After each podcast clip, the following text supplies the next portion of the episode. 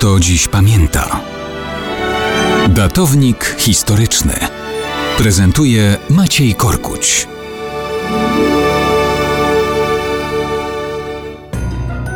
Na co dzień mało kto pamięta, kiedy zmarł Leonardo da Vinci.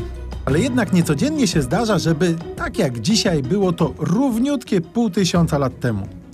Zmarł Leonardo bowiem 2 maja 1519 roku. Uchodzi on i słusznie za człowieka wszechstronnego. Jeśli powiedzenie człowiek renesansu znajduje w kimkolwiek ucieleśnienie, to w nim ma ono wyraz najpełniejszy. Wymieniamy. Artysta malarz, rzeźbiarz, architekt, filozof, muzyk, znawca anatomii człowieka, matematyk, a do tego odkrywca i wynalazca. Oczywiście z tymi odkryciami i wynalazkami to różnie bywało. Leonardo opracowywał koncepcje, poszukiwał rozwiązań, ale przecież nie zbudował ani latającego śmigłowca, ani też jeżdżącego czołgu. Dzisiaj wynalazca musi coś zrealizować, aby zapisać się w historii.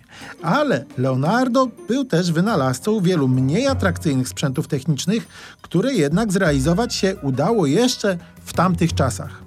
Nie będziemy oczywiście ich wszystkich omawiać. Nie skupimy się też na analizie uśmiechu Monelizy czy futerkowego stworzenia u damy eksponowanej w krakowskim Muzeum Narodowym.